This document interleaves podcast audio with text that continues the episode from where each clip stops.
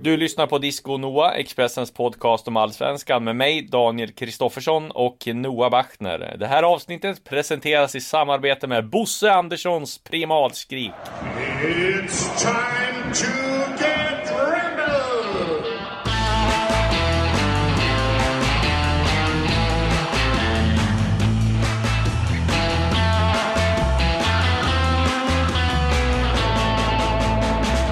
Ja, precis, för det var ju ett primalskrik han drog av där eh, när Glenn Nyberg eh, annonserade att det var sex tilläggsminuter mellan Malmö och Djurgården. Eh, och då tog han eh, ton eh, från läktaren och skrek, skrek Men vad fan Glenn, kan inte vara sex minuter? Eh, så alla hörde på Tele2. Det är det som är bra nu med, eh, eller det enda som är bra är att man hör allt vad alla säger från planen och till läktaren. Så att vem är den mest högljudda personen runt allsvenska matcher. Du som ändå har varit Nej, men man får väl säga att eh, Pontus Wernbloom tog väl eh, tag i taktpinnen när han skrek åt Henok Goitom och inte fejka eh, en skada här på Friends. Men eh, Bosse Andersson och Jeppe Jansson är väl de som skriker mest från läktaren. Eh, får man ändå säga.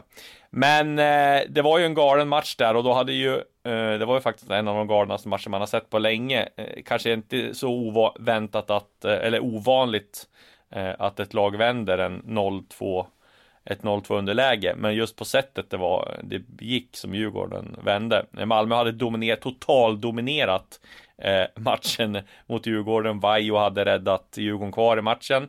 Eh, när Ola Toivonen gjorde sitt andra mål så trodde man ju att matchen var helt död. Då hade vi spelat 60 minuter typ. Eh, men sen så gör Djurgården 2-1 i 81 2-2 några minuter senare och 3-2 typ eh, ja, i 88 så att det var, det var liksom en scenförändring som ingen hade kunnat eh, förutspå. Lite beskrivningskrig efter matchen där, där jag såg att MFF-spelarna, och det förstår man ju den vinkeln såklart, att de tycker att det var en stöld att Djurgården snor segern från dem efter att ha dominerat matchen så hårt som de gjorde under lång tid. Medan jag såg att Jesper Karlström inte ville hålla med om det och tyckte att det var mer pulserande. För mig som såg fragment av matchen, jag, jag såg inte hela. Eh, men eh, den sammanlagda intrycket av, av, av de bitar jag såg av den var ju att det var väldigt, väldigt, väldigt enkelriktat till slutet. Ja, men jag tror att Jesper Karlström, när han, jag, jag tror han nog ville bara vara en motpol till Anders Christiansen här som sa att det var en stöld och jag tror när han, det var nog mer en känsla han hade när de hade vunnit, men det är klart att det var ju bara ett lag på plan i, i 80 minuter. Djurgården hade kanske ja. bra, de var bra första tio. Eh, men sen var det ju bara ett lag på plan, det tror jag han tyckte också i efterhand sådär. Men, men eh, han ville väl bara provocera tror jag. Eh, men det, jag, det man tänkte på var ju där att om Malmö spelar, spelar så här bra på konstgräs och har lärt sig att behärska det som de gjorde i 80 minuter så känns det som rest in peace allsvenskan och de ska börja dominera på konstgräs också för då lär de nog gå rent eh, nästa säsong typ. Ja, för den här säsongen så gör ju inte den här förlusten så stor skillnad eftersom Djurgården tillhör den grupplag som har sett till att Malmö FF inte behöver oroa sig så mycket för jagande lag eh, där bakom utan att de vinner ju och förlorar och kryssar om vartannat mot varandra allihopa. MFF har ju, även om de har, det, det är lite en Bradbury-känsla på hela säsongen, att de har stått upp hela vägen, Malmö FF, medan alla andra har ramlat ihop i en hög bakom. Och eh, de behöver ju inte ha något exceptionellt poängsnitt för att ro hem det här och det kändes väl liksom som att ja, men det här är ett sånt skede i säsongen där man kan bjuda in till en guldstrid i vanliga fall, eller så kan man rycka ifrån, men MFF eh, då kasserar en förlust här som skulle kunna bjuda in till en guldstrid, men det är absolut ingen som är intresserad av att ta den, det erbjudandet där bakom. Nej, precis. Eh, sen var det ju två eh, omdiskuterade domslut. Vi ska inte snacka för mycket om det, men det var ju två omdiskuterade situationer. Dels när eh, Jesper Karlström eh, gick in eh, jättehårt mot Eldar Rakip, såg det ut som. Eh, han ja, förstärkte väl eh, situationen efteråt också. Eh, som man, det, det, var ungefär som, det såg ut från pressläktaren som att han stämplade Rakip och sen filmade för att få liksom domarens sympati.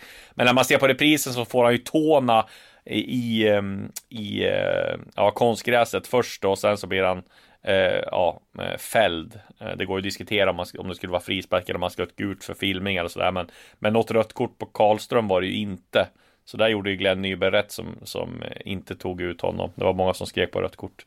Däremot så var det ju en diskussion efter, eller en diskussion efteråt där när eh, Jo Inge Berget har fått ett gult kort redan eh, och sen är det en situation där han ska ha ett solklart gult kort när han eh, fäller Nyholm tror jag det är. Eh, och eh, Glenn Nyberg är på väg att ta upp det gula kortet men stoppar ner det igen när han inser att det är Berget. Så att, eh, Eh, och det är Dplay zoomade in den, den där tv-bilderna när han tar upp det gula och, och tar ner det igen. Så att då blev det ett ramaskri. Och jag tror att Kim Bergström var vansinnig och var inne i domarrummet men han ville inte efteråt, eh, trots att man hade vunnit, men han ville inte säga vad han eh, vad, vad de sa till varandra. Och Glenn Nyberg ställde inte upp på någon intervjuer efteråt heller, vilket är synd. Så att eh, eh men nu hade ju inte det någon jätteavgörande betydelse för matchen, men det är ändå var ändå en märklig situation. Det kanske hade varit ännu större rubriker om det hade varit så att det inte slutade med med Djurgårdsseger, eh, det hela. Eh, ja, så hade det varit. Då hade det blivit ramaskri. Och eh, där så blev jag utsatt för lite Twitterdrev här. Jag, jag, jag får ju skylla mig själv egentligen. Eh, två grejer när jag kommenterar, jag blir utsatt för sådana här. Jag ska säga att jag klagar inte utan Twitterdrev, det, det är sånt man får ta liksom. Eh, och sen Twitterdrev är ju såklart en stor överdrift. Men det var många som hade synpunkter på dels det här med Karlström då och jag gjorde ju generalfelet där, vilket jag tar på mig själv och eh, benämna honom vid smeknamn. Det ska man ju aldrig göra, men eh, jag stör mig oerhört mycket på till exempel Jens Fjällström som eh, benämner sina före detta spelare i Malmö vid smeknamn varenda en. Eh, och nu råkade jag skriva Jesper Karlström och sen skrev jag i meningen efter på tweeten Kalis. Och ja, det är väl ganska, han är väl ganska vedertaget att han är, har smeknamn för det, men och jag hade ju ett smeknamn enbart för att jag inte ville ha upprepen eh, i samma tweet, Karlström och Karlström. Men, men, eh, men det skulle du ha tänkt nej, på. Nej, det skulle jag ha tänkt på och då var, blev det lite blev det lite reaktioner på det. Inte så mycket, men de värsta reaktionerna blev eh, när jag kommenterade det här domslutet då med, med med eh, ja, dels Karlström och Berget och då var det klart Malmö FF och Djurgården hade ju inte, var inte av samma åsikt. Nej. Så att eh, det, lärdomen vi drar av det är att vi ska inte kalla spelare vid smeknamn. Igen, eh. du är snart 60 år. Exakt. Du har fortfarande inte lärt dig hur Nej. det funkar. Jag lär sig eh, men vi kan ju säga det då för de som undrar här att även ditt, ditt avsnitt i På spåret utgår efter det här. Exakt. Eh, det kommer att bandas ett nytt Eh, med lite andra. Men ja, eh, man får säga att även fast Malmö förlorade så känns ju eh, guldstriden död. Eh, för Häcken gjorde som de alltid gör, eh, misslyckas när det verkligen ska gälla och de ska hoppa på guldstriden så får de bara 0-0 borta mot ett Helsingborg som saknade en rad skadade spelare och sen fick byta två innan paus. Så att, ja. nej, men vad jag tänker med den matchen är ju, det är ju liksom inga nyheter vad gäller Häcken. Att Nej, verkligen inte. Med det. Eh, och det känns som att vi har gjort den, dragit den slutsatsen många gånger i år. Eh, och att eh, de får nöja sig med topp tre placering den här säsongen. Men skulle de inte lyckas med det så är det väl ett misslyckande får man säga. Ja. Däremot kan man ta med sig från den här matchen att Helsingborg tar en viktig poäng i, i botten, jakten ja. på IFK Göteborg. Och att eh, det där var ett dåligt resultat för Blåvitt, därför att det var väl kanske om man tittar på spelschemat en sån match som Blåvitt borde hoppats på att Helsingborg inte skulle vinna.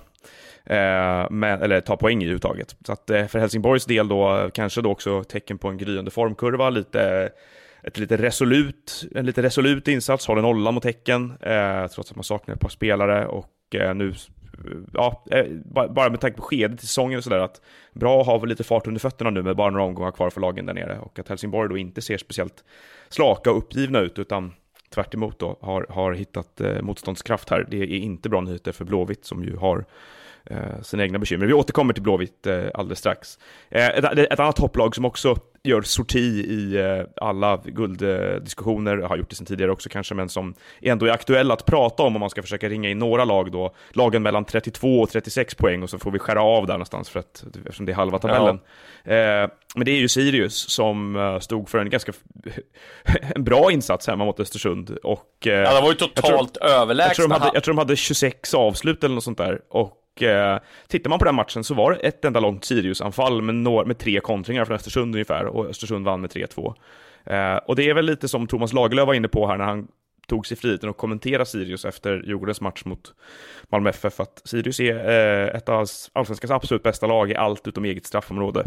Ja. Och eh, här var det ju mål utanför straffområdet förvisso, både Blair Turgots andra och eh, Henrik Bellmans otroligt vackra eh, avgörande, eller som skulle bli avgörande där, tredje målet för Östersund och sköts väl utifrån straffområdet. Men de är lite sårbara, eh, Sirius, alltjämt här på olika sätt. Och eh, det där är väl, känns väl som saker som man kan väl fundera på då, om det handlar om balansen på laget, att de är undertaliga när de väl åker på omställningar, om det är så att de saknar någon spelare på mittfältet som kan sätta stopp för omställningar, eller om det är att, att de är helt enkelt inte positionsmässigt och individuellt tillräckligt bra eh, mittbackar och målvakt som gör att de släpper till lite för enkla mål. Målvaktsposten har vi pratat om tidigare, att den är ett problem för dem. Nu, var det väl lite, ja. nu är det väl hårt att hänga just målvakten i den här matchen. Eh, Men eh, det man slås av var väl att de hade 75% i bollinnehav första halvlek ja. eller sånt där. Ja. Eh, och sen så hade väl Östersund fyra skott totalt, varav tre går in. Mm. Så det är ju helt bisarrt. Nej, den är, den är hård att smälta för, för Sirius. Det är, jag tror jag såg någon rolig match, postmatch-intervju där med Elias Andersson som såg ut som att han hade fått en asteroid i huvudet ungefär, typ, att han inte förstod mm. vad som hade hänt. Och apropå eh. Elias Andersson så har de värvat in hans ersättare va? Han lär väl försvinna efter säsongen och eh, eh jag twittrade här för några dagar sedan om att Jakob Ortmar från Degerfors eh, var klar och sen gick de ut med det officiellt eh, mittfältare och det blir väl Elias Anderssons ersättare. Ja. Ja, eh, ja det är väl Elias Anderssons det ersättare tror jag. Gjorde sitt sjätte mål för säsongen här Andersson ja. och har ju eh, efter sina skadebekymmer varit väldigt bra. Eh, däremot, det, bli, ja, det blir ju en, en, en, en rejäl huggsexa om eh, flera spelare där förmodligen, men det är ju frågan om då eh, man kan fundera på det, vad som är bäst egentligen att titta på med Sirius om man ska rekrytera därifrån. Är det att plocka, hand, försöka handplocka Sugit eller Björnström eller, eller Vecka, eller borde man bara titta på tränarbänken egentligen med tanke på att eh, ja, Adam Hellborg, andra spelare som har varit framträdande för dem i år, så känns det som att Henrik Rydström har, det finns en stark korrelation där, att de här spelarna jo. har inte gjort så här bra svenska säsonger tidigare. Men, eh, men han har väl blivit kvar, Rydström, av allt att döma. Ja, men var skulle han gå? Finns det ingen öppning i någon annan klubb? Nu, inte nu nej, men eh, det, vi, är inte, vi är inte klara ännu nej. med det här. Eh, det var en underhållande match i alla fall, Sirius-Östersund. Och ja. eh, kanske den mest underhållande av dem jag såg eh, i helgen, som jag missade stora delar av Djurgården, Malmö FF. Eh, AIK, IFK Göteborg, inte lika underhållande. Ganska torftigt spel, eh, ganska rörig match överhuvudtaget, utan tydliga tendenser, men med en tydlig vinnare och en tydlig förlorare. Och när man eh, summerar den så är det egentligen då resultatet av de här krishanterande klubbarna 2000 20 eh, som man ser där. AIKs krishantering ja, föll väl ut och IFK Göteborgs är ja, var på väg var då, tror du? Ja, alltså jag vet inte. Alltså, jag tyckte AIK var rätt, tog rätt, tre rätt behagliga poäng. Eh, Blåvitt skapade ju knappt eh, någonting, hade inte speciellt mycket. Eh, Janosevic fick göra ett par fina räddningar där, men mer var det inte. Och någon forcering blev det väl inte på slutet heller. Och Nej, AIK har ju fått en stabilitet i defensiven som eh, jag tror många lag skulle vara avundsjuka på nu. Och lustig-effekten fortsätter ju. Eh, nu blev man visserligen eh, utbytt här efter halva matchen med en skada på underkroppen. Man får gissa att det var baksida av låret som han tog sig för. Eh, men eh, han har ju fortfarande inte, de har ju spelat ja, fyr, nästan 400 minuter och har inte slä, AIK har inte släppt in ett mål med honom på planen. Så att, eh, nej, eh, väldigt bra här. Och jag menar, vad har AIK nu? Nio poäng upp till eh, andra platsen eller vad är det? Ja, är det mer nu? Ja, ja tio. Nej, typ. de, och med tanke på att de har då förmodligen lagt sin formsvacka bakom sig här så, och har så, så bra självförtroende i truppen som de ändå har nu så känns det väl som att de ska, det är inte att utesluta att de blandar sig i saker och ting lite högre upp här eh, med tanke på hur det hur saker och ting artar sig för, eh, för AIK. Eh, vi, eh, jag vet inte om vi ska ta det på en gång. Eh, vi fick en hel del frågor om AIK eh, när vi ändå är inne på den här matchen. Ja. Så eh, riktade sig till mig framförallt för att jag har varit uttryckt vissa varningar för var AIK är på väg långsiktigt. Och det är väl egentligen så här att jag, jag tror jag skrev om det i samband med den här matchen också, att jag tycker det finns en del gemensamma beröringspunkter för AIK och Blåvitt. Att, eh, med tanke på hur de han, har hanterat det här året och de resultat de tog under första halvan av året så så upplever jag att man frångick eh, långsiktig planering ganska mycket av hur man vill att klubben ska funka och vilken metod man ska ha för att ligga högt upp i tabellen år efter år. Ja. Och jag har varit inne på det förut här, för det var flera som inte har förstått vad jag menat med det riktigt och det, det ligger nog på mig säkert. Eh, men med AIK, att, att jag upplever att man har eh, gått ifrån ett eh, väldigt tålmodigt långsiktigt planerande och att det var den stora styrkan under 2010-talet där man, som kulminerade i SM-guldet, att framförallt liksom, som är liksom kärnan i hur man bedriver Eh, en elitfotbollsklubb eh, i mina ögon. Och det är väl det här att, att man har en, det finns en röd tråd som löper genom hur man vill spela, vem man rekryterar till tränarposten och vilka spelare man plockar in, hur man sätter ihop truppen. Och där tycker jag att det har varit ganska, det har gått att förstå logiken i hur AIK har byggt trupp och försökt bedriva träningar och hur man vill spela under ganska lång tid. Under Norling kanske framför allt, där man liksom varje gång det kom in en spelare förstod man vilken roll den spelaren skulle ha i Norlings system. Sådär. Att det, var, det var på den vägen det var. Eh, men där man då inför det här året eh, redan misslyckades med den typen av planeringsarbete därför att man investerade tid framför allt eh, och ett nytt kontrakt till Norling i en spelidé som ingen riktigt trodde på i grund och botten och dessutom gift ihop den spelidén med ett spelarmaterial som var djupt olämpligt för den spelidén. Och där menar jag att även om man har fått ihop det väldigt bra under året i år, att jag ser inte riktigt eh, den tydliga planeringen framöver liksom för AIK, utan nu har man ju satt ihop en trupp som är ämnad för att spela av säsongen 2021, eller säsongen 2020. Eh, det är möjligt att det finns utrymme och kapital och tid och planer för hur, exakt hur det här ska fortlöpa längre fram än så. Eh, och det är väl liksom någonting som eh, i mina ögon då, har man skrivit ett flerårigt avtal med Bartosz Jelak så borde väl han vara eh, i allra högsta grad delaktig i de diskussionerna om hur AIK ska spela, vilka typer av spelare man behöver för att kunna spela på det sättet och eh, att det är ett spelsätt som alla i föreningen tror kan leda till eh, tabellplaceringar högt upp i tabellen. Men jag ser det inte riktigt där och nu och det var det jag menade även i, efter den här matchen då med att eh, att eh, det är ett planeringsarbete som behöver göras i AIK efter säsongen, precis som det är i IFK Göteborg. Skillnaden de här två lagen emellan då är ju att den här akuta krishanteringen i år, den har givit AIK andrum och tid och utrymme att redan nu börja titta på det. Redan nu börja spela på ett sätt som jag kanske tror att det kan eh, liksom utvärdera då spelmodell och spelare och andra. Vem ska, vem ska vara med eh, och göra det här och på vilket sätt framöver? Eh, Medan i Blåvitts fall så finns det ju inget som helst utrymme för det, utan där har ju krishanteringen misslyckats i den bemärkelse att de är djupt inne i bottenstriden fortfarande och truppsammansättningen är eh, i mina ögon ännu mer obalanserad eh, än vad den är i AIK. Den, är, den löper liksom väldigt lite röd tråd i den, utan tvärtom har man nästan byggt två parallella lag eh, IFK Göteborg eh, med två helt olika syften. Och jag har svårt att se, det, se liksom hur man gör en snabb, hur man får en snabb överbryggning däremellan. Men just AIKs del tycker jag, där, där handlar ju om truppsammansättningen tycker jag finns där i just åldersmässigt. Eh, de har många rutinerade spelare, väldigt många unga spelare. Eh, spelare, men de behöver ju säkert värva in en anfallare av klass eh, till nästa säsong. Men annars tycker jag det finns där. Men jag menar, de har ju en trupp på 30 man. De måste ju bli av med allt dödkött och det kommer de att göra nu. Du kommer göra av med se av med massa spelare och banta truppen. Sen finns det ju väldigt mycket att bygga på. Jag menar, de spelar nästan, eller de känns ju stabilare nu än på många år. Eh, däremot i Blåvitt så handlar det... Många där... år vet jag inte om jag håller med om. Jag tycker de var, Nej, men... ganska stabila under ganska många år. Ja, jo, precis. Men alltså, exakt, jag tog i lite där. Men de känns stabila i alla fall. Eh, men däremot i Blåvitt, där handlade det om att, att stoppa blödningen totalt. För där eh, tyckte jag, man hade känslan då med AIK att de kommer inte åka ur. Eh, men den Blåvitt hade man ju faktiskt att nu, de här kan ju åka ur, det kan de ju göra fortfarande.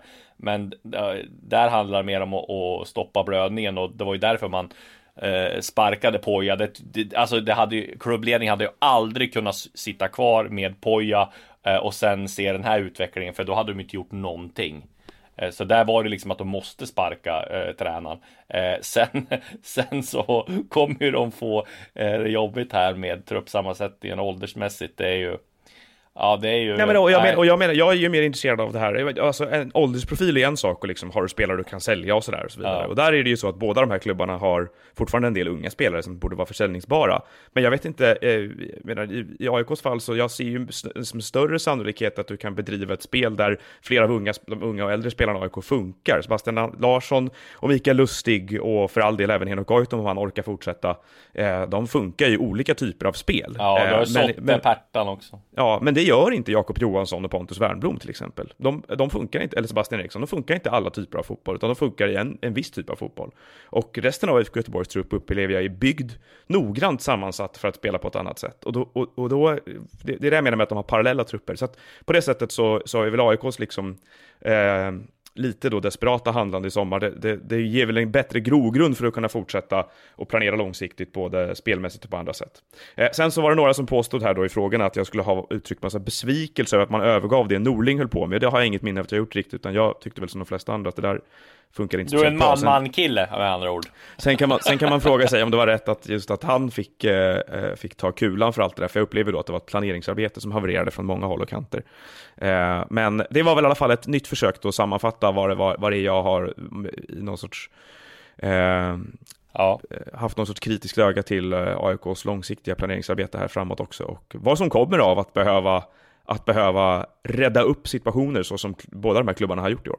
Ja. Men i Blåvitts fall så eh, det ser ju desto dystrare ut alltså, eh, även den här säsongen och eh, det är, det är knepigt att se liksom, någon enkel lösning på det de har, har fått i knät här, eller Roland Nilsson Nej, har fått i knät. kommer få ett. Men samtidigt, ja, de har deras spelschema inte att leka med heller som kommer. Möter Malmö nästa.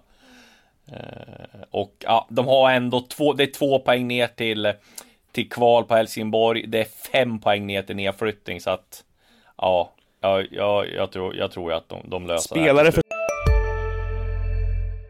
Välkommen till Coolbet där spänningen aldrig tar slut och underhållningen står i centrum. Här får du inte bara Sveriges bästa fotbollsodds, du får också en spelupplevelse som är rättvis, transparent och framförallt rolig. För oss handlar det om mer än bara spel. Det handlar om att ta en paus, att våga chansa och att kanske vinna stort. Det oväntade gör varje ögonblick unikt. För dig över 18 år, stödlinjen.se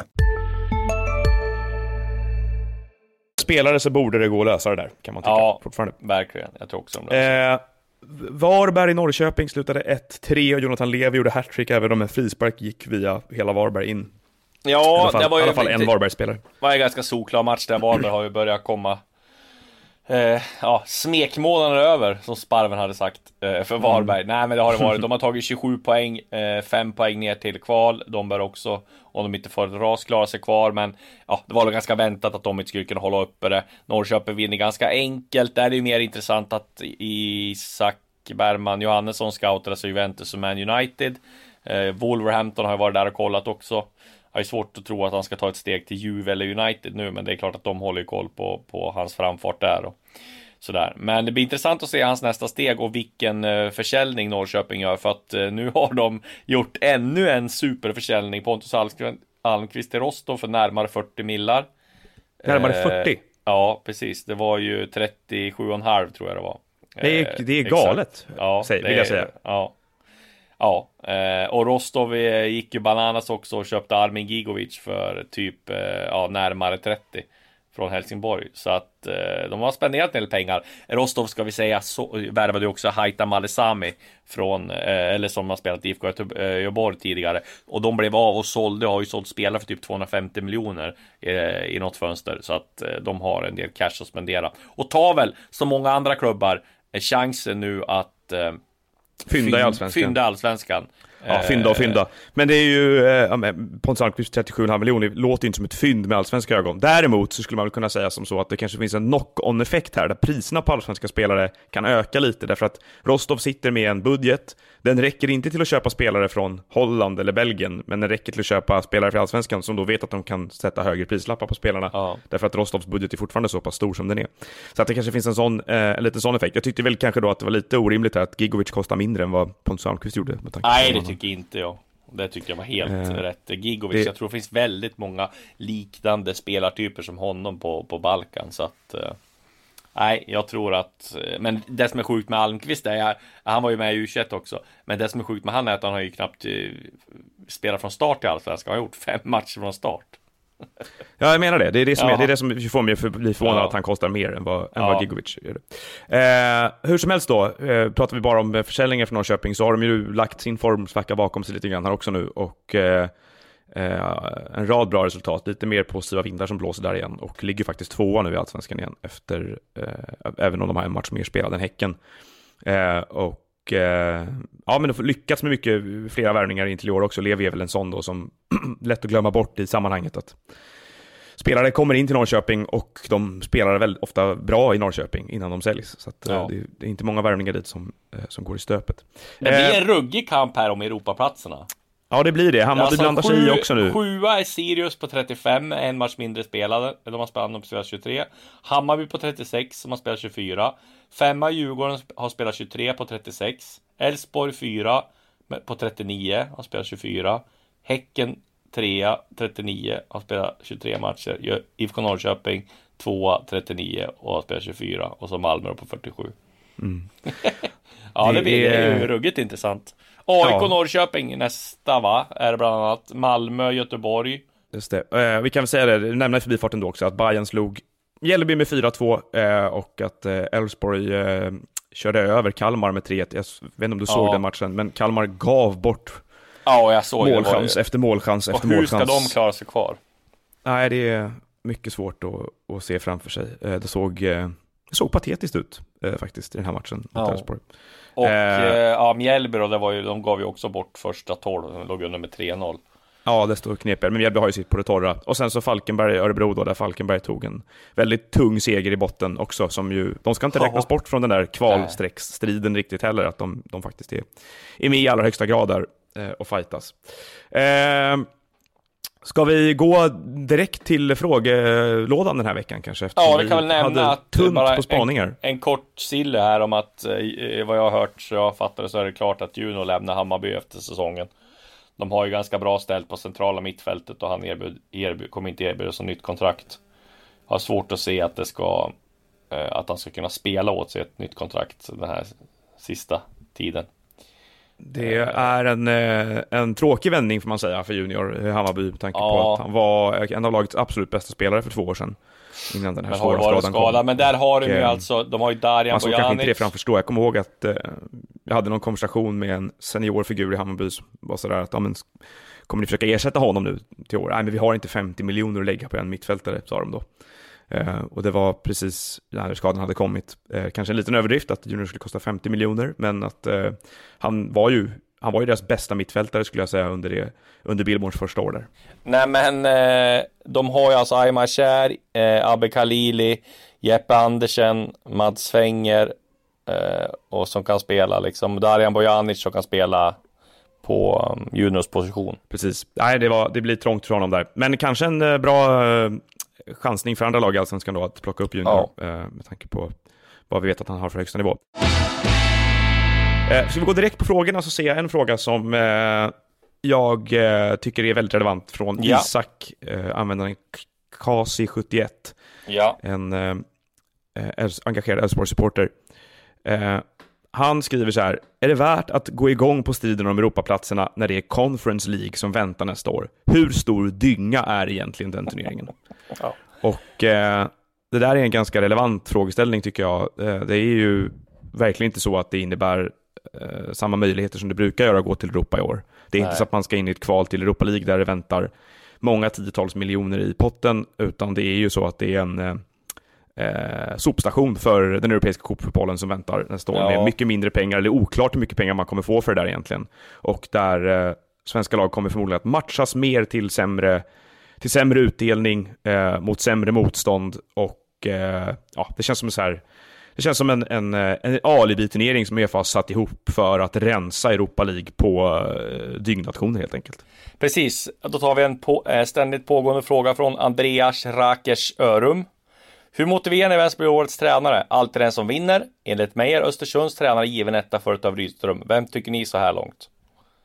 Jag tycker inte alltid att det är den som vinner alls, utan det, det håller jag inte med om, utan man måste titta på den relativa prestationen. Så ja. nej, men det är väl hugget som stucket mellan Rydström och eh, Asrafshan för mig. Ja, Ashrafshan får min röst hittills i alla fall. Eh, mycket på grund av en ny skarp här mot Sirius. Men vi kan ju inte summera än. Vi får ju summera efter säsongen. Vem, eh, Marcus Malmsten, vem av er tar snacket med Glenn Nyberg om trolleriförsöket med det gula kortet på berget? Ha, har han tagit snacket med någon eller har det varit locket på? Ja, det har varit locket på. Man kan ju fråga efter domaren där efter matcherna. Eh, men eftersom det är liksom Ja, Corona nu så kommer inte domarna ut tror jag och Dplay hade vi inte honom i studion heller. Så han tackade väl nej, men jag vet att Kim Bergstrand försökte gå in i domarrummet där och snacka med honom. Och vad han sa ville han inte avslöja. Men eh, Ja, vad, gör, vad skulle du göra om du hade låst dörren och Kim Bergstrand stod utanför och bad dig öppna? jag skulle eh, spela in, eh, jag skulle be någon filma allting så jag hade allt på film vad han skulle göra. Glenn, jag vet att du är där inne! Det är... Albert Karlsson, något nytt om DIF 2021, målvakt, lägger Berg av. Ja, jag tror att eh, det kommer hända mycket i DIF. De kommer bygga om, de kommer bli av med jag tror de kommer, de har ju sålt Augustinsson nu till eh, Rosenborg. Det kommer bli klart efter säsongen. Eh, och sen så PK Bråtvedt kommer att sälja säkert någon till. Ulvstad, Kevin Walker, Jonathan Ring lämnar. Så att det blir en liten ombyggnation i Djurgården eh, till 2021. Har, Robin Berglund, har ni ringt 112? Ja, det har jag gjort. Eh, två, eller nej, jag vet inte om jag har ringt 114. Vad är det, vad ringer det till polisen va? 112, ja, 112 har jag nog faktiskt inte ringt. Jag har nog ringt Eh, jo, en gång när en, en polare eh, hade druckit för mycket på en fest i tvåan på gymnasiet. Det var faktiskt tur, fick åka ambulans. Eh, annars har ringt polisen två gånger. En gång för att jag såg ett inbrott och en annan ja. gång för att någon var ute och gick på en byggställning utanför mitt fönster mitt i natten. Jag är en ruggig klassiker när jag ringde 112 en gång. Det var när jag var, bodde i Sundsvall. Eh, jag hade precis slutat gymnasiet, kanske var 20 år. Jag började må jättedåligt, eh, få magknip eh, på morgonen. Och eh, eh, går in i badrummet, sen minns jag inget mer. Sen minns jag bara att jag vaknar upp på golvet, tittar mig i spegeln, då har jag ett stort jack i pannan. Eh, och liksom vet inte vad som händer så jag bara ringer 112. Jag får vakna upp med ett jack och så har jag en tand utslagen. Jag vaknade upp med ett jack i pannan och en tand utslagen. Uh, började ruttna inifrån. Så, Va? det var liksom, jag var helt så här, uh, helt i chock. Men det, det, då sa de ju, du har ju såklart svimmat. Ja, och så kom ambulansen där så ja. Och sen så låg jag där på, inne på Sundsvalls sjukhus, där inne på Eh, vad heter det, ja, en avdelning då. Och det var ju bara en vanlig svimning, så det hade ju liksom kunnat gått till vårdcentralen. Och då hör jag läkaren säga så här, men för i helvete, ta in en vanlig svimning här, de här ska ju till vårdcentralen först. Hör jag han stå och diskutera med en sjuksköterska. Då känner man sig inte alltför stor. Han ruttnar ju inifrån! ja, precis. Hör du i bakgrunden ja, det är en klassiker. Eh, vad hände med Tolinsson? Han verkar inte alls ha blivit såld enligt honom själv, ja, säger Axel. Det är done deal. Uh, han kommer gå. Uh, och det har aldrig varit snack om det... att han Det har ju aldrig varit snack om att han ska gå nu, eller att han ska flytta nu liksom. De har ju alltid sagt att de ska ha en utlåning först, men City, ja. eller City Football Group och uh, Lommel. Så att jag kollade senast i, igår och det, det, det ska vara klart. Eh, och vi kan ju säga det även till, direkt till Jesper Tolinsson att det är inte du som bestämmer om du är såld eller inte, det är Disco som gör det. Ja, men han hade väl sagt att det inte blev någon flytt bara. Och det var väl aldrig tal om att det skulle bli någon flytt nu i år. Eh, Joakim Geigert undrar vad vi har på eh, Häckens senaste värvning här, Nikola Gulan. Inte mer än att eh, det är ett namn som, jag kommer ihåg att han, att han var i Fiorentina någon gång i tiden, men det var ju väldigt länge sedan. Och eh, att eh, det, man tittar på hans karriär, vilket jag gjorde när jag såg att han var klar för Häcken nu, så är det ju en sån här flyttfågel som direkt kommer med vissa varningssignaler. Men sådana spelare kan också eh, funka i allsvenskan, alltså att de liksom hittar hem i allsvenskan och får lite mer trygghet. Eh, om han är bra eller inte och vad han är bra på har jag alldeles för dålig koll på. Oskar Wårs, förklara kontrastsituationen för Kårbenet och Stefan Silva. Ja, det blev ju det. Jag har försökt ta reda på det här nu och messat flera i AIK här hur det står till. För att Stefan Silvas kontrakt står att det går ut nu. Eh, men som jag fattade på, som jag fått svar från dem i AIK, inte från Jurelius dock, jag har messat honom också frågan när går Stefan Silvas kontrakt ut? Men inte fått något svar. Eh, så att eh, det verkar vara att han har även nästa år. Det kan vara så att han har förlängt det där han blev utlånad till den turkiska klubben. Och uh, Colbain också är det lite oklart om han har en option eller inte. Men uh, som jag har förstått just nu så, så har han option, men det verkar lite oklart även för AIK. De håller väl på att kolla igenom sina transfers nu. Nej då, men uh, det. vi, vi, vi, ska reda ut det där riktigt. Men just nu så håller jag fast vid att det som står i texten där. Eh, Johan Dykhoff undrar om pengarna från Puls 8, Puls 8 har kommit till ÖFK än. Eh, det, det, vet jag inte, men däremot så eh, under brinnande pandemi här när ingen orkade bry sig om fotboll riktigt så la vi ut en, eh, en text, en uppföljning på det där egentligen. Eh, vi, vi, hade ju avslöjandet, jag och eh, två kollegor eh, i våras här om att det var Puls 8 som var sponsorn, storsponsorn bakom ÖFKs hemliga sponsoravtal och därefter följde ju en rad långa konstiga pressmeddelanden från ÖFK. Eh, vad vi hade också, och som jag sen publicerade efter ett tag där, det var ju rätt mycket mer bakgrund till det här företaget och de här människorna och även hur det finns en koppling som leder tillbaka till Östersunds FK och en person som är anställd i klubben där eh, och som vi skrev. Och jag, jag, jag, hade en känsla av att den texten liksom, det, ibland blir det så med timing på grejer, att den bara försvann ut i flödet lite grann. Eh, jag tror kanske att vi typ i nästa avsnitt eller någonting ska göra en, kan göra en sorts en prata kring den, eh, till den, kring den publiceringen. Så kan vi berätta lite mer om den här, om den här sponsorn och eh, det som framkommer i den här texten och det vi vet om det. Så ja, ska jag försöka ta reda på om pengarna har kommit också tills dess. Men det, det är en, eh, det är en eh, lite rolig historia nästan. Eh, och eh, konstig såklart eftersom det gäller ett litet, litet företag på på Cypern som inte vet att de sponsrar Östersund. Fredrik Lindberg, vem är den riktiga James Bond enligt er? Jag började ju se den första James Bond-filmen jag såg var ju Moonraker, så då är ju Roger Moore. Sen, ja, ble, sen blev det ändå Sean Connery för mig, men nu är det ju Daniel Craig som jag tycker är bäst. Tycker jag tycker för mig är det Sean Connery, för det var den första ja. jag såg. Åskbollen var den första eh, James Bond-filmen jag såg, och eh, det var ett stort ögonblick. Så för mig är det Sean, Sean Connery. Eh, mer här då. Årets bästa album so far undrar Rickard och jag tycker att det är Full Whack No Breaks med Bad Boy Chiller Crew. Det tror jag inte att du tycker Disco. Jag förstod inte frågan, vad, vad sa du för något? Årets, bäst, årets bästa album so far, alltså musik pratar vi om nu. Okej, okay, jag visste inte, vilka artister var det du nämnde? Bad Boy Chiller Crew, det är en eh, liten eh, baseline rapgrupp från Bradford. Okay, ja. Nej, jag säger pass på den frågan. De beskriver sig som The Explicit Wenga Boys och det är en ganska träffsäker beskrivning faktiskt. Ja. Så se fram emot nästa vecka när du har lyssnat in dig på, på BBCC. Oskar undrar om Hiljemark till Elfsborg var nära. Eh, var det de, en fråga i slutändan om pengar? De försökte väl, men jag tror inte de hade liksom eh, närheten av att kunna betala där, eh, han ville ha. Eh, sen tror jag Årborg har väl något på gång nu som jag fattar. De satsar väl och har väl ganska mycket pengar. De har värvat eh, en del eh, bra lirare. Så att eh, där tror jag att det fanns liksom en, en eh, vilja från Hiljemark att lira där. Eh, en hel del frågor om vad Poya Asbaghi gör nu för tiden. Eh, det har jag ingen vidare kunskap om. Mer än att han, det var ju rätt nyligen han fick lämna sitt jobb, så jag gissar att han bidar sin tid lite grann. Åker runt och utbildar sig är svårt att göra nu som alla tränare gör annars. Annars har ju alla tränare åkt runt och besökt klubbar och ska Precis. få inspiration. Eh, Norling var väl i Torino första svängen han fick sparken eh, mm. från Malmö va? Eh, ja. Och sen så var han i Atalanta. Eh, och sådär. Så nu borde ju alla, alla skandinaviska tränare borde ju ta bilen och åka till, till eh, Bode Glimt och titta vad som händer. Eh, mm, ja, fast de kommer rasa nu. De har ju torskat med. De torskade ju 4-2 mot Molde. De har ju sålt av sina bästa spelare, så där blir, de borde ju åka någon Ja, du dödförklarar hela den framgången alltså, ja, På grund av en förlust mot Molde. Det var modigt. Nej, men de kommer tappa, har jag hört, enligt norska källor. Ja, okej. Okay. Ja, då är det väl så. Det är inte de som bestämmer, utan det är du. Eh, Kristoffer Giberg undrar hur vi mår. Eh, ja, riktigt bra. Ja, jag, jag med. Livet är på topp. 8 av 10 säger jag. Ja, jag säger också det. Någonstans eh, där. 7, håller på, du tror ju att jag inte jobbar för att jag inte publicerar så mycket, uh, vilket är, det har varit lite gruff här. Disco är lite irriterad på att jag, han tror att jag är maskar hemma. Uh, men det är, jag har en riktigt spännande grej på gång, tycker jag själv i alla fall. Ja. Uh, så vi ser när den är klar. Du hyllar dig själv. Jag har en jävla intressant krönika på gång här. Min jävla vad intressant den är, den här krönikan som jag ska skriva nu. Nej men det, det, det passar Nej men jag har så jävla mycket bra tankar. Ja. Nej, Nej det är faktiskt inte en krönika heller. Utan den har ingenting med mig att göra. Jag har inte upptäckt en grej. Eh, är vi klara så eller? Ska vi, eh, ska vi ta någon till fråga? Vi har lite tid. Du und de undrar en del här också om, det är flera som har skrivit om Jonathan Augustinsson till Rosenborg. Det har ju du varit inne på tidigare. Ja men den är helt klar, det är done deal och de får väl mellan 3 och 4 miljoner tror jag. De tackar nej till 5 här senast. Ja. Eh, och ja, det är väl som sagt, Djurgården kommer ju bygga om och eh, ja, det är väl eh, Augustinsson, Vittry och Bråtveit. Ja, Bråtveit kan de inte få mycket för, men Vittry kan de ju få en del för om de säljer.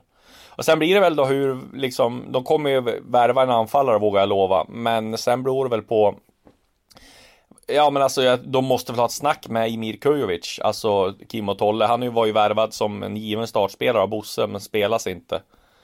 Eh, så att, och det är väl samma sak med Kalle Holmberg, var väl kanske inte värvad som en given startspelare, men verkar inte heller fått ha dunderförtroende hos dem. Nej, jag är ju fortfarande inne på det då, du tror inte att Bosse kommer släppa så mycket av makten där, men jag är inne på att de behöver chans. bestämma sig för hur, vem som ska bestämma om vilka spelare som kommer in. Men jag tror liksom, det är inte en fråga ens en gång. Nej, det tror inte jag heller att det är, men jag Nej. säger att för, för, att få ut mest av det där så behöver de göra så. Ja. Eh, Asti Tajdarevic är det många som undrar över, han tackar nej till Randers i Danmark tror jag. Eh, som har varit intresserad, eh, vet inte status senaste där, men jag tror inte han kan gå till någon klubb i Allsvenskan. Eh, Nej, inte, han, är, han kommer nog inte gå tillbaka till Djurgården i alla fall. Nej. Daniel Färm, har vi några allsvenska transferbomber att se fram emot i vinter? Ja. Det tror jag vi har. Det har vi alltid. Men eh, däremot så tror jag ju att jag tror jag pratar lite grann med folk, sportchefer och agenter och så här. De menar på att Eh, då, vi har inte sett effekten av det här corona än för att klubbarna betalar ganska höga löner. De köper spelare, men däremot så kanske de inte köper lika många. Eh, men de menar på att effekterna kommer komma senare, kanske till exempel Henrik, eh, AIK.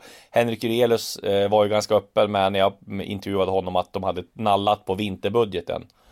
Eh, och jag ja. menar, har man en trupp på 30 spelare så är det ju ganska normalt. Då måste man Samtidigt kommer väl de sälja spelare så att deras lönekostnader sjunker ganska avsevärt. Så ja, att de kan utrymme i sin lönebudget på något sätt. Ja. Eh, allt beror på lite grann också hur hårt det här slår och om de får ha publik nästa år och sådär. För det är fortfarande stora intäkter som är på väg bort. Exakt. Eh, Andreas Haldin eh, har eh, klippt ut ett citat med Peter Hunt från, det ser ut som att det är från NT eller liknande, eh, där han säger att Norrköping har mycket intressant på väg in, om man säger så. Jag tror att, att han någonting. syftar på de här islänningarna som de kollar på. De kollar på en rad unga spelare, unga islänningar mm. eh, och ta in. Eh, så det kan nog vara en av dem, en av dem han menar. Snacka om att eh, gå all in på, alltså. Nu ja, det gör de ju helt rätt i. Som när Newcastle värvade bara fransmän i två år och det slutade med att de hade French Day på St. James' Park och alla hade eh, lösmustascher och baguetter med sig. Ja, men det får man säga att de har gjort rätt. Fjolesson blev ju en, eh, Fjolesson blev ju en guldhjälte som gick till Ryssland. Eh, Sigurdsson sålde de för 40 miljoner. Bergman Johannesson kan de väl sälja för ja, 60-70 om de hittar rätt mm. köpare. Så, att, så har de den här Stefansson heter han också. Eh, Tora Rinsson var den enda de inte fick pengar för. Va? Han var ju bra men gick till New York City FC. Mm. Mm. Så att, ja, is, vad säger man, i, i eh, Islandsspåret går bra för Norrköping. Ja, ett riktigt Islandsspår. Där är vi nöjda va? Nu räcker det, ja. Jag. Tack för idag. Kanon.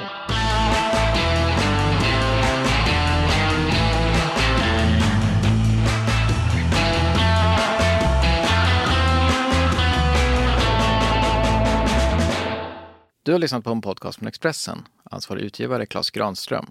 Expressen samarbetar med Podplay, en ny podcastplattform från Bauer Media, där du hittar Expressens poddar och förstås även en massa andra poddar. Du kan lyssna antingen via podplay.se eller i appen Podplay.